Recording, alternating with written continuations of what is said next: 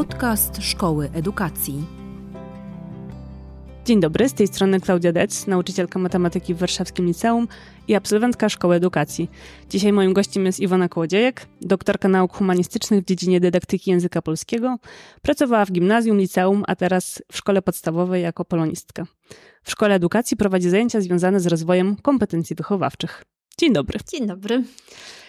Czym są zaburzenia dyscypliny? To jest hasło, które się pojawiło w naszym ostatnim odcinku i chciałabym do niego wrócić. No, żeby w ogóle powiedzieć o zaburzeniach dyscypliny, to najpierw musimy sobie zdefiniować dyscyplinę. Bo mnie się zdaje, że to pojęcie się zmieniło, szczęśliwie, e, ale że trzeba sobie je właśnie redefiniować, bo ono czasem e, dzisiejszemu nauczycielowi, nauczycielce, zwłaszcza tym, którzy dopiero wchodzą do szkoły, e, kojarzy się kiepsko, trochę z tą piosenką e, z Akademii Pana Kleksa, z Pana Kleksa w kosmosie, że dyscyplina, dyscyplina i to ustawianie wszędzie uczniów i wszyscy równo, wszyscy gładko i tak dalej. Widzę to przed oczami. Tak, i ten rodzaj dyscypliny, on był dostosowany do tego tradycyjnego frontalnego sposobu uczenia. Czyli dyscyplina była tam e, z grubsza rzecz ujmując synonimem ciszy. Bo jeżeli mówił nauczyciel, nauczycielka, no to uczniowie musieli słuchać. E, w tym już skrajnie e, przedstawionym tradycyjnym modelu nie było wielu interakcji, więc nie sprawdzali nauczyciele, czy uczeń rzeczywiście jest z nimi, tylko tym jedynym warunkiem było bycie fizyczne i nieodzywanie się wtedy, kiedy nie jest się pytanym. Oczywiście to jest przerysowane trochę, tak? Ale musimy się od tego pojęcia odbić i powiedzieć, że, że dyscyplina dziś e, dostosowana jest do tego modelu, który e, zdaje się być coraz częstszy w polskich szkołach, a na pewno jest to taki model, który my tutaj w Szkole Edukacji praktykujemy, czyli do tego zaangażowania ucznia w proces uczenia się, i tu nie chodzi tylko o takie zaangażowanie, czyli po prostu jakieś działanie, że był aktywny i coś robił, tylko zaangażowanie e, przede wszystkim jego takie poznawcze, czyli to głębokie, intensywne myślenie. E, I, e, i jeżeli na tym nam zależy, jeżeli to jest naszym celem, no to teraz dyscyplina będzie po prostu e, zorganizowaniem takich warunków, żeby wszyscy uczniowie mogli się właśnie tak w myślenie, uczenie zaangażować. E, czyli dyscyplina będzie przestrzeganiem reguł, które służą e, tak rozumianemu uczeniu się. No i wtedy zaburzenia dyscypliny to będą wszystkie te sytuacje, które czasem uniemożliwiają na moment, czasem na dłuższą chwilę, czasem przeszkadzają bardziej, czasem mniej, ale właśnie w tym procesie Mogę wymieniać z własnej praktyki, mogę wymieniać z praktyki naszych absolwentów, studentów, nauczycieli, z którymi pracujemy. Że takie najczęstsze zaburzenia to będą na przykład rozmowy w czasie, gdy nie nauczyciel, tylko ale też inni uczniowie, no bo to preferujemy, żeby też dużo na lekcji mówili uczniowie.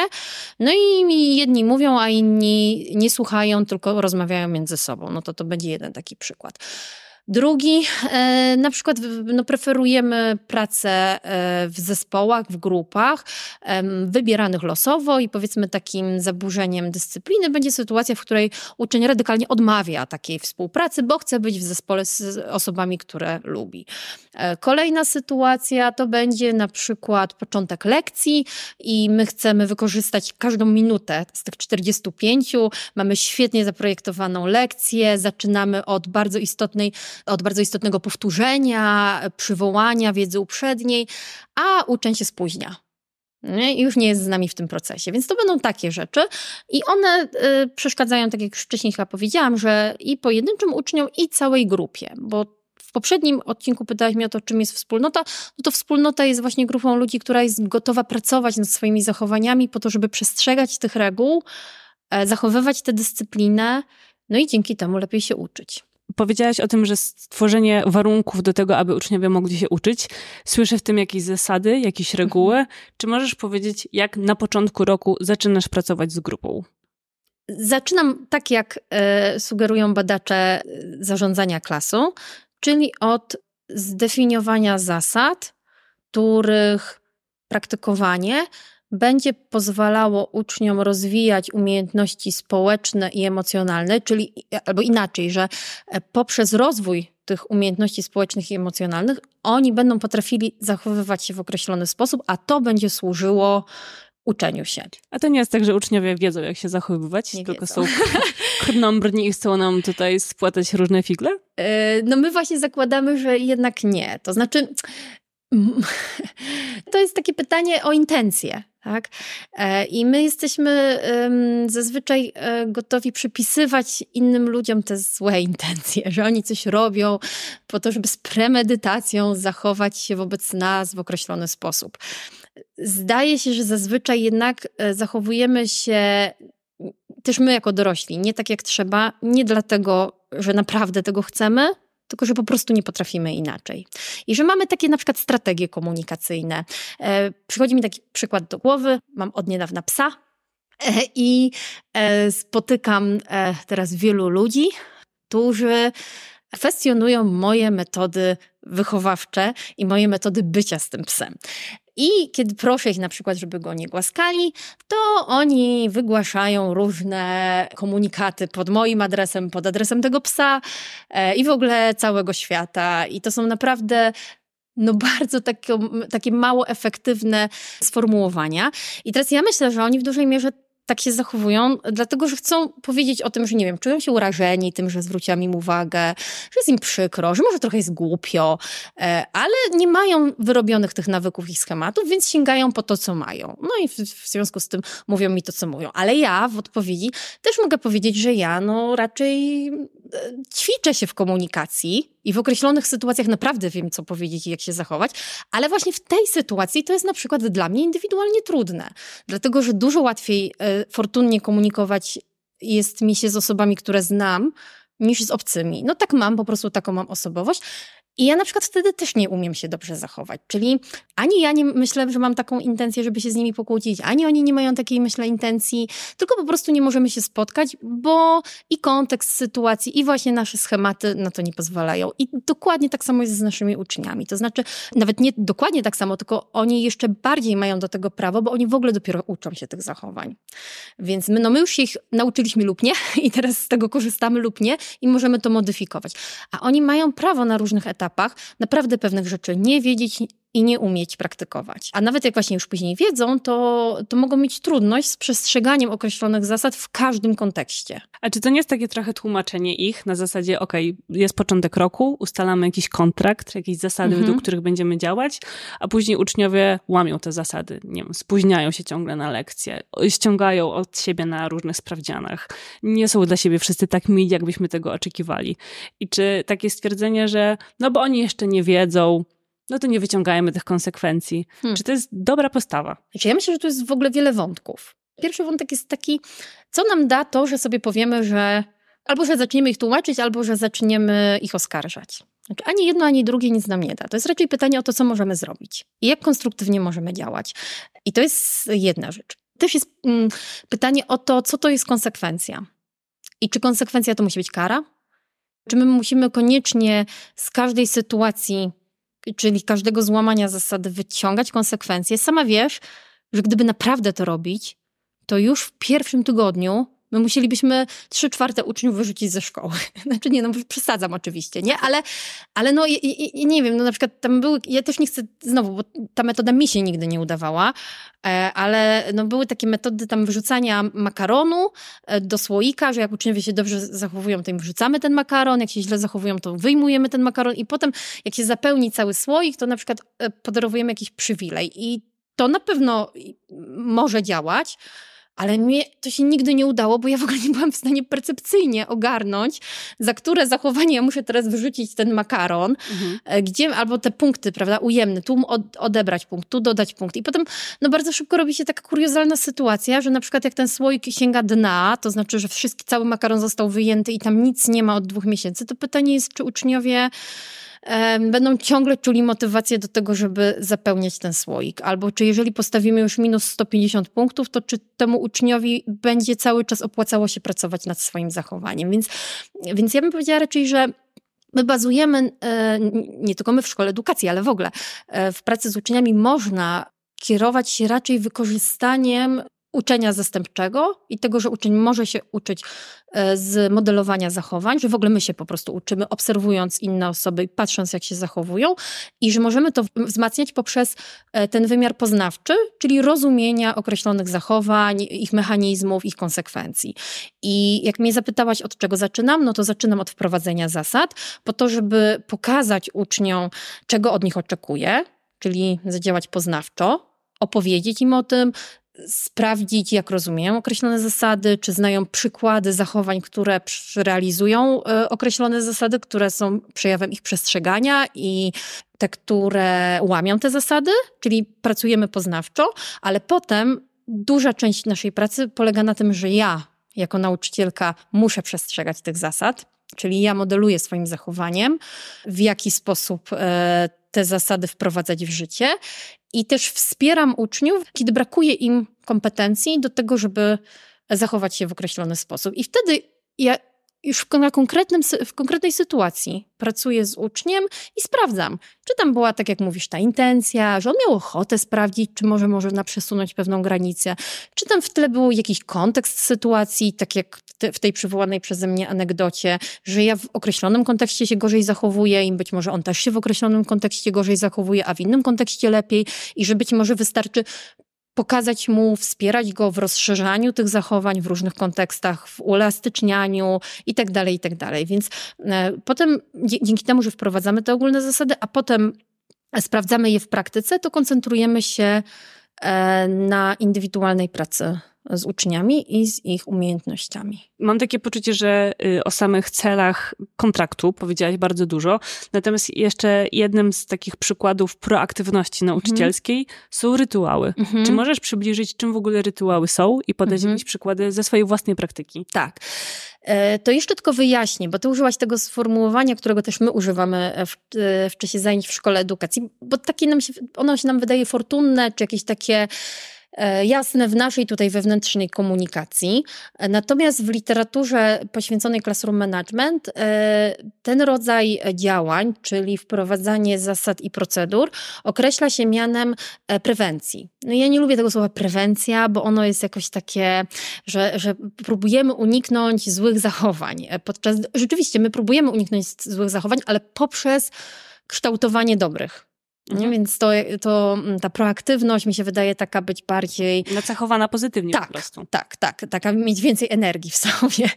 I, no i pro, tak jak powiedziałaś, rytuały, to znowu to jest takie słowo, którego my tutaj wewnętrznie używamy, bo powinniśmy je tłumaczyć e, jako rutyny, ale rutyna nie kojarzy się dobrze, nie? Rutyna zabija związek, albo tam e, rutyna właśnie w szkole, nie? Że szkoła jest rutynowa. E, I procedura to się znowu bardzo formalnie kojarzy, to a prawda. tego słowa też się używa, że jest jakaś po prostu procedura zachowań.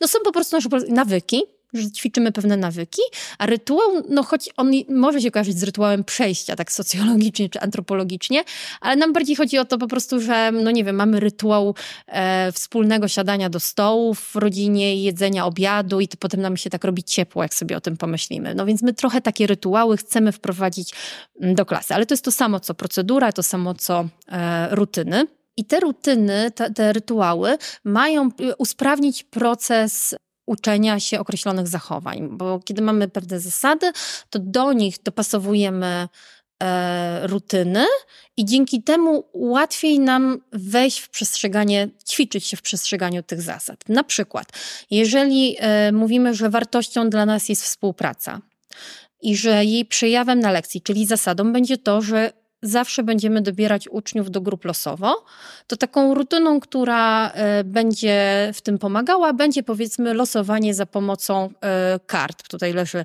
myśląca klasa Petera. E, on właśnie tę metodę losowa, tę technikę. To jest tylko technika, ją można wymienić na wiele innych. Jasne. Wiem, że ty losujesz układając patyczki z imionami. Tak, tutaj mogę odsłonić rąbek tajemnicy, że moi uczniowie wchodząc na lekcje praktycznie każdego dnia nie wiedzą, gdzie będą siedzieć, ani obok kogo będą siedzieć. Dopiero w momencie rozpoczęcia lekcji tego się mhm. dowiadują, kiedy układam w losowy sposób patyczki w danej kolejności. Tak, no właśnie. I te rutyny, one spełniają różne funkcje, bo to trochę zależy od tego, jakie to są rutyny. Są mniejsze i większe. I niektóre. Mm, spełniają tę samą funkcję co w życiu, czyli po prostu usprawniają nam funkcjonowanie. E, są pewne rzeczy, nad którymi nie musimy się już dzięki nim zastanawiać, po prostu wiemy, jak to będzie. I, yy, I dzięki temu mamy więcej przestrzeni w głowie, a uczenie się jest bardzo skomplikowane i potrzeba do niego dużo energii psychicznej, fizycznej, e, emocjonalnej, więc warto ją oszczędzać. I właśnie te rutyny, one nam pozwalają oszczędzać tę energię. Na przykład ja mam taką rutynę, że mam trzy zeszyty i e, zapisuję na tablicy, choć teraz o tym zapominam, ale oni zawsze pytają, e, który zeszyt mają przygotować i wtedy wiedzą mniej więcej, co będzie się działo na lekcji, bo wiedzą, czy będzie pisanie, czy będzie odbiór tekstów, czy będzie jakaś lektura.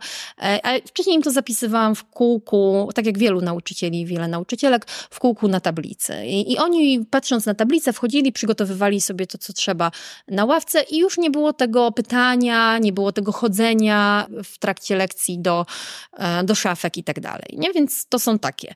Ale są też takie ry rytuały, które ja nazywam rytuałami kombajnami, bo one są wielofunkcyjne i one są świetne, bo one z jednej strony y, wymagają od nas ogromnej inwestycji, w ich wprowadzanie, y, też czasu bardzo często, zaraz o takim powiem, ale też bardzo dużo funkcji spełniają i dużo nam dają. I fajnie jest znaleźć sobie taki rytuał i spróbować, zobaczyć, co się wydarzy, gdy zaczniemy go praktykować. U mnie taki rytuał, który praktykowałam z moją poprzednią klasą, w szkole podstawowej i praktykowałam teraz przez rok z moją nową klasą, to był rytuał czytania poezji. I każdą lekcję zaczynaliśmy, zaczynałyśmy od tego, że e, już powiem, jak, jak, go, jak on wyglądał w tym roku, bo on się trochę modyfikował, zmieniał też pod wpływem tego, że e, absolwentki, absolwenci szkoły edukacji też robią ten rytuał i różne warianty, wymieniamy się różnymi pomysłami. No więc teraz mój wariant jest taki, że ja przed lekcją daję antologię, którą stworzyłam i w tej antologii, uczę klasę piątą, w tej antologii są wiersze poetów, niekoniecznie wybrane dla uczniów piątej klasy. To znaczy raczej takich wierszy nie spotkamy w podręcznikach do piątej klasy, bo to są po prostu wiersze dobrych poetów, tyle. To jest moje kryterium. I przygotowałam taką antologię, skserowałam te wiersze, podarowuję ją e, uczniowi, który się zgłasza. U, u mnie akurat uczniowie się zgłaszają, chcą to robić, więc zapisują tylko swoje imię i datę, żeby wiadomo było mniej więcej w jakim odstępie czasu czytać, żeby nie czytał ciągle jeden uczeń, nie rozpoczynał, nie wybierał wiersza. Ten uczeń wybiera wiersz, siada na moim krześle, czyta w momencie, kiedy rozpoczyna się lekcja. Inni uczniowie nie mogą w tym czasie mówić, mogą robić inne rzeczy, mogą malować, mogą leżeć na ławce, e, nie mogą chodzić, nie mogą e, rozmawiać. Kończy czytać i potem każdy może podejść i też przeczytać ten wiersz. Ten sam. Ten sam.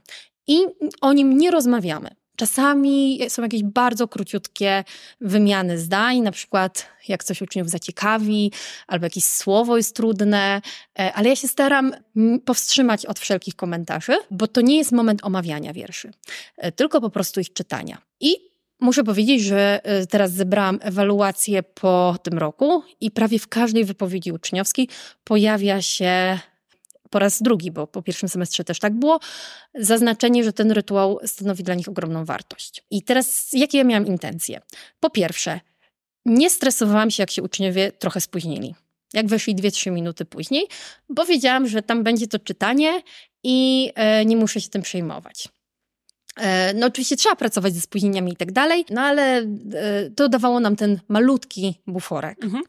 Kolejna rzecz była taka, że uczniowie uczą się chwili takiego wyciszenia, nie mówienia, nie komentowania, po prostu słuchania lub niesłuchania, ale wstrzymywania, wytrzymywania emocji. E, bo te emocje to może być znudzenie, to może być zniecierpliwienie, ale to też może być ekscytacja, radość i tak dalej. No i oni wiedzą, że muszą to zatrzymać przez chwilę w sobie. E, więc w tym się ćwiczą. Kolejna rzecz, no to to buduje naszą wspólnotę, no bo mamy taką swoją rzecz. Mamy takie swoje sprawy I, i my inaczej niż inni zaczynamy w ten sposób lekcje. I inne lekcje też się inaczej zaczynają, więc ta jakby zyskuje swoją odrębność. Kolejna rzecz, e, którą zyskujemy, to to, że oni dostają ode mnie narzędzie, którym mogą manipulować i którym mogą budować też swoją wspólnotę. Bo oni na przykład czasami się zmawiali na to, żeby wszyscy czytali, ich jest 15, teraz 16 i jak, czyta, jak wybrali długi wiersz i wszyscy czytali, to na przykład czytali przez 25 minut. I mówili, o jak wspaniale, że mija nam lekcja. Ja sobie myślałam, jak wspaniale, że mija nam lekcja na czytanie poezji. No więc to było fajne, taka kokieteria między nami, trochę taka zabawa. E, to też jest ciekawe, że oni tego nigdy nie nadużywali. Mhm. To znaczy, że balansowali pomiędzy e, sytuacją, w której wszyscy czytają, a czytają tylko dwie osoby. E, że też e, czasami, jeżeli przychodził na przykład do nas gość, albo mieliśmy jakąś specjalną lekcję i musieliśmy ten rytuał zmodyfikować, to też byli w tym elastyczni. Nigdy to nie stanowiło trudności. Kolejna rzecz, i tu już jest przedmiotowa, którą zyskujemy dzięki temu rytuałowi, to jest to, że uczniowie i, I, to było też moją taką pierwszą intencją, e, że zapoznają się z bardzo różną poezją. Ponieważ mm, no, my zazwyczaj e, jako dzieci czytamy różne książki, rodzice nam na przykład czytają, oglądamy różne filmy, nie tylko te w szkole, ale nie czytamy innych wierszy niż te, które w szkole hmm. są omawiane. I potem e, ta kompetencja czytania wierszy, ta otwartość na bycie z tekstem, którego nie rozumiem, który jest trudny, który jest dziwny, który mnie niepokoi, ale też który mnie na przykład przyciąga, no to jest coś nieznanego. A dzięki temu, że my robimy to codziennie, no to to doświadczenie dziwności bycia z poezją staje się zupełnie neutralne i naturalne. E, I na tym mi bardzo zależało i widzę, że ci uczniowie są dużo bardziej gotowi do tego, żeby być z tekstem poetyckim i żeby wytrzymywać napięcie wywołane jego zamknięciem i hermetycznością.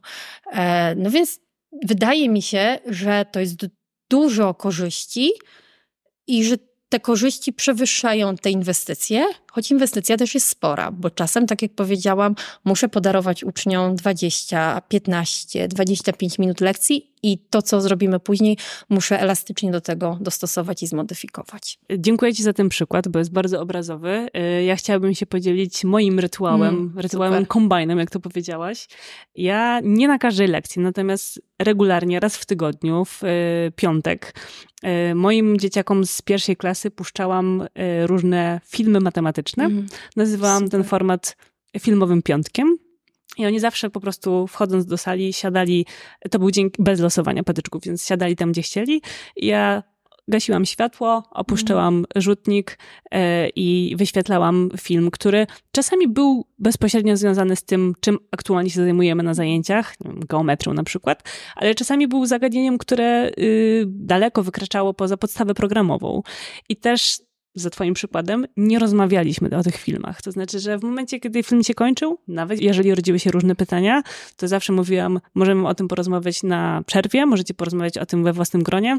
Natomiast teraz przechodzimy do lekcji. I oni bardzo szybko faktycznie jakoś to, w to weszli, czekali mhm. na to i też w ewaluacjach pisali o tym, że to było mhm. coś dla nich bardzo, bardzo istotnego. Mhm. No bo to jest jakoś bliskie naszym po prostu codziennym doświadczeniom i trochę oswaja te, e, to, to bycie w szkole, które nie zawsze jest przyjemne, nie zawsze jest komfortowe.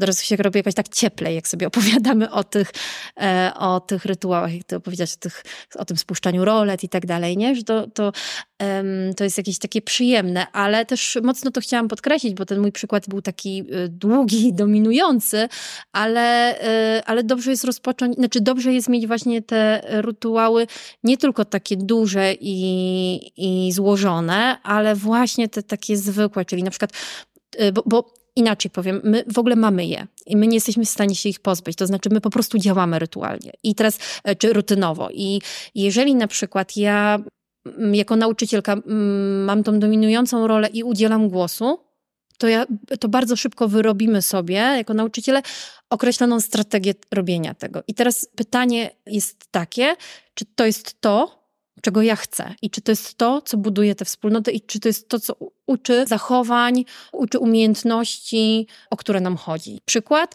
jeżeli e, pozwalam uczniom się zgłaszać, bo to jest mój rytuał dopuszczania do głosu, no to nobilituję uczniów szybkich, e, aktywnych, i na przykład jeszcze do tego dokładam taką, taki wariant, że po jakimś czasie chcę wyrównać to, więc dopytuję e, pojedyncze głosy i wyciągam w sposób losowy taki, ale to, losowanie odbywa się w mojej głowie e, i jest bardzo narażone na różnego typu błędy poznawcze. Czyli mogę na przykład za każdym razem E, wskazywać e, określonego ucznia i nawet o tym nie pamiętać, bo na lekcji tyle się dzieje. Albo inaczej, ten uczeń może mieć wrażenie, że ja go wskazuję na przykład do szczególnie trudnych pytań. Ja wcale mogę nie mieć takiej intencji, ale on będzie myślał, że tak jest, bo nie ma kryteriów tego wskazania. Tak? Najpierw jest tak, że się zgłaszamy, a potem jest tak, że, że ja wybieram. W to miejsce proponujemy za chyba Centrum Edukacji Obywatelskiej jako pierwsze wprowadzało tę technikę, ale ona już jest powszechnie znana, czyli na przykład losowanie za pomocą patyczków. Patyczków z wypisanymi imionami. I że za każdym razem zadaję pytanie, czy mm, kiedy chcę na przykład, żeby uczniowie zreferowali jakieś zadanie, to po prostu dopuszczam do, czy, czy udzielam tego głosu właśnie losując, zdaje się na los. I, e, I to jest taka właśnie rutyna, taka strategia, która jak udowadniają badacze, wpływa bardzo mocno na zaangażowanie uczniów. Więc myślimy o tym, jaki efekt chcemy osiągnąć i społecznie, i emocjonalnie, i poznawczo, i do tego dobieramy rutynę. Ja dodam jeszcze do tych patyczków, że taki efekt, który wychodzi trochę przy okazji, jest taki, że uczniowie faktycznie przez, przynajmniej u mnie na mhm. lekcjach, przez całą godzinę są skupieni. Mhm. To znaczy nie ma tego, że a skoro już pani mnie zapytała, to ja już teraz mhm. mogę się wyłączyć, bo na pewno nie zapyta mnie. No nie, twoje imię wraca do puli wszystkich patyczków i w każdej chwili również możesz zostać zapytany. Więc y, to jest faktycznie coś bardzo użytecznego, bo mam takie poczucie, że uczniowie są ze mną na lekcji od samego początku do samego końca.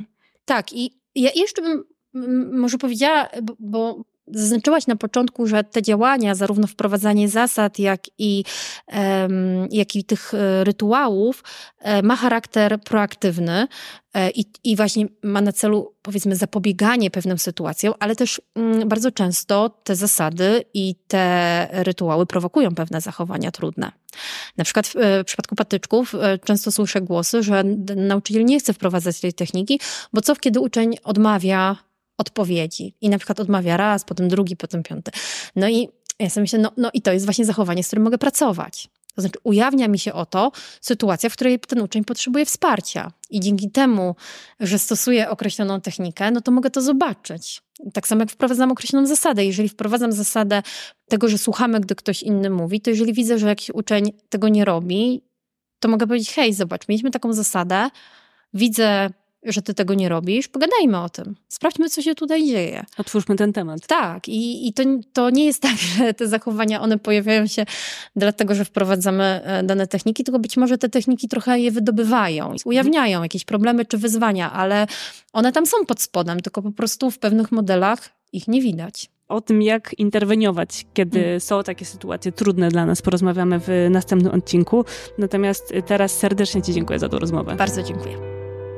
Dziękujemy za wysłuchanie podcastu Szkoły Edukacji Polsko-Amerykańskiej Fundacji Wolności i Uniwersytetu Warszawskiego. Już niebawem ukaże się kolejny odcinek, w którym Klaudia Dec, nauczycielka matematyki w Warszawskim Liceum oraz absolwentka Szkoły Edukacji, będzie rozmawiać ze swoimi gośćmi. Tymczasem zapraszamy do Podcasterixa, podcastu prowadzonego przez wykładowców dydaktyki historii Szkoły Edukacji. Do usłyszenia.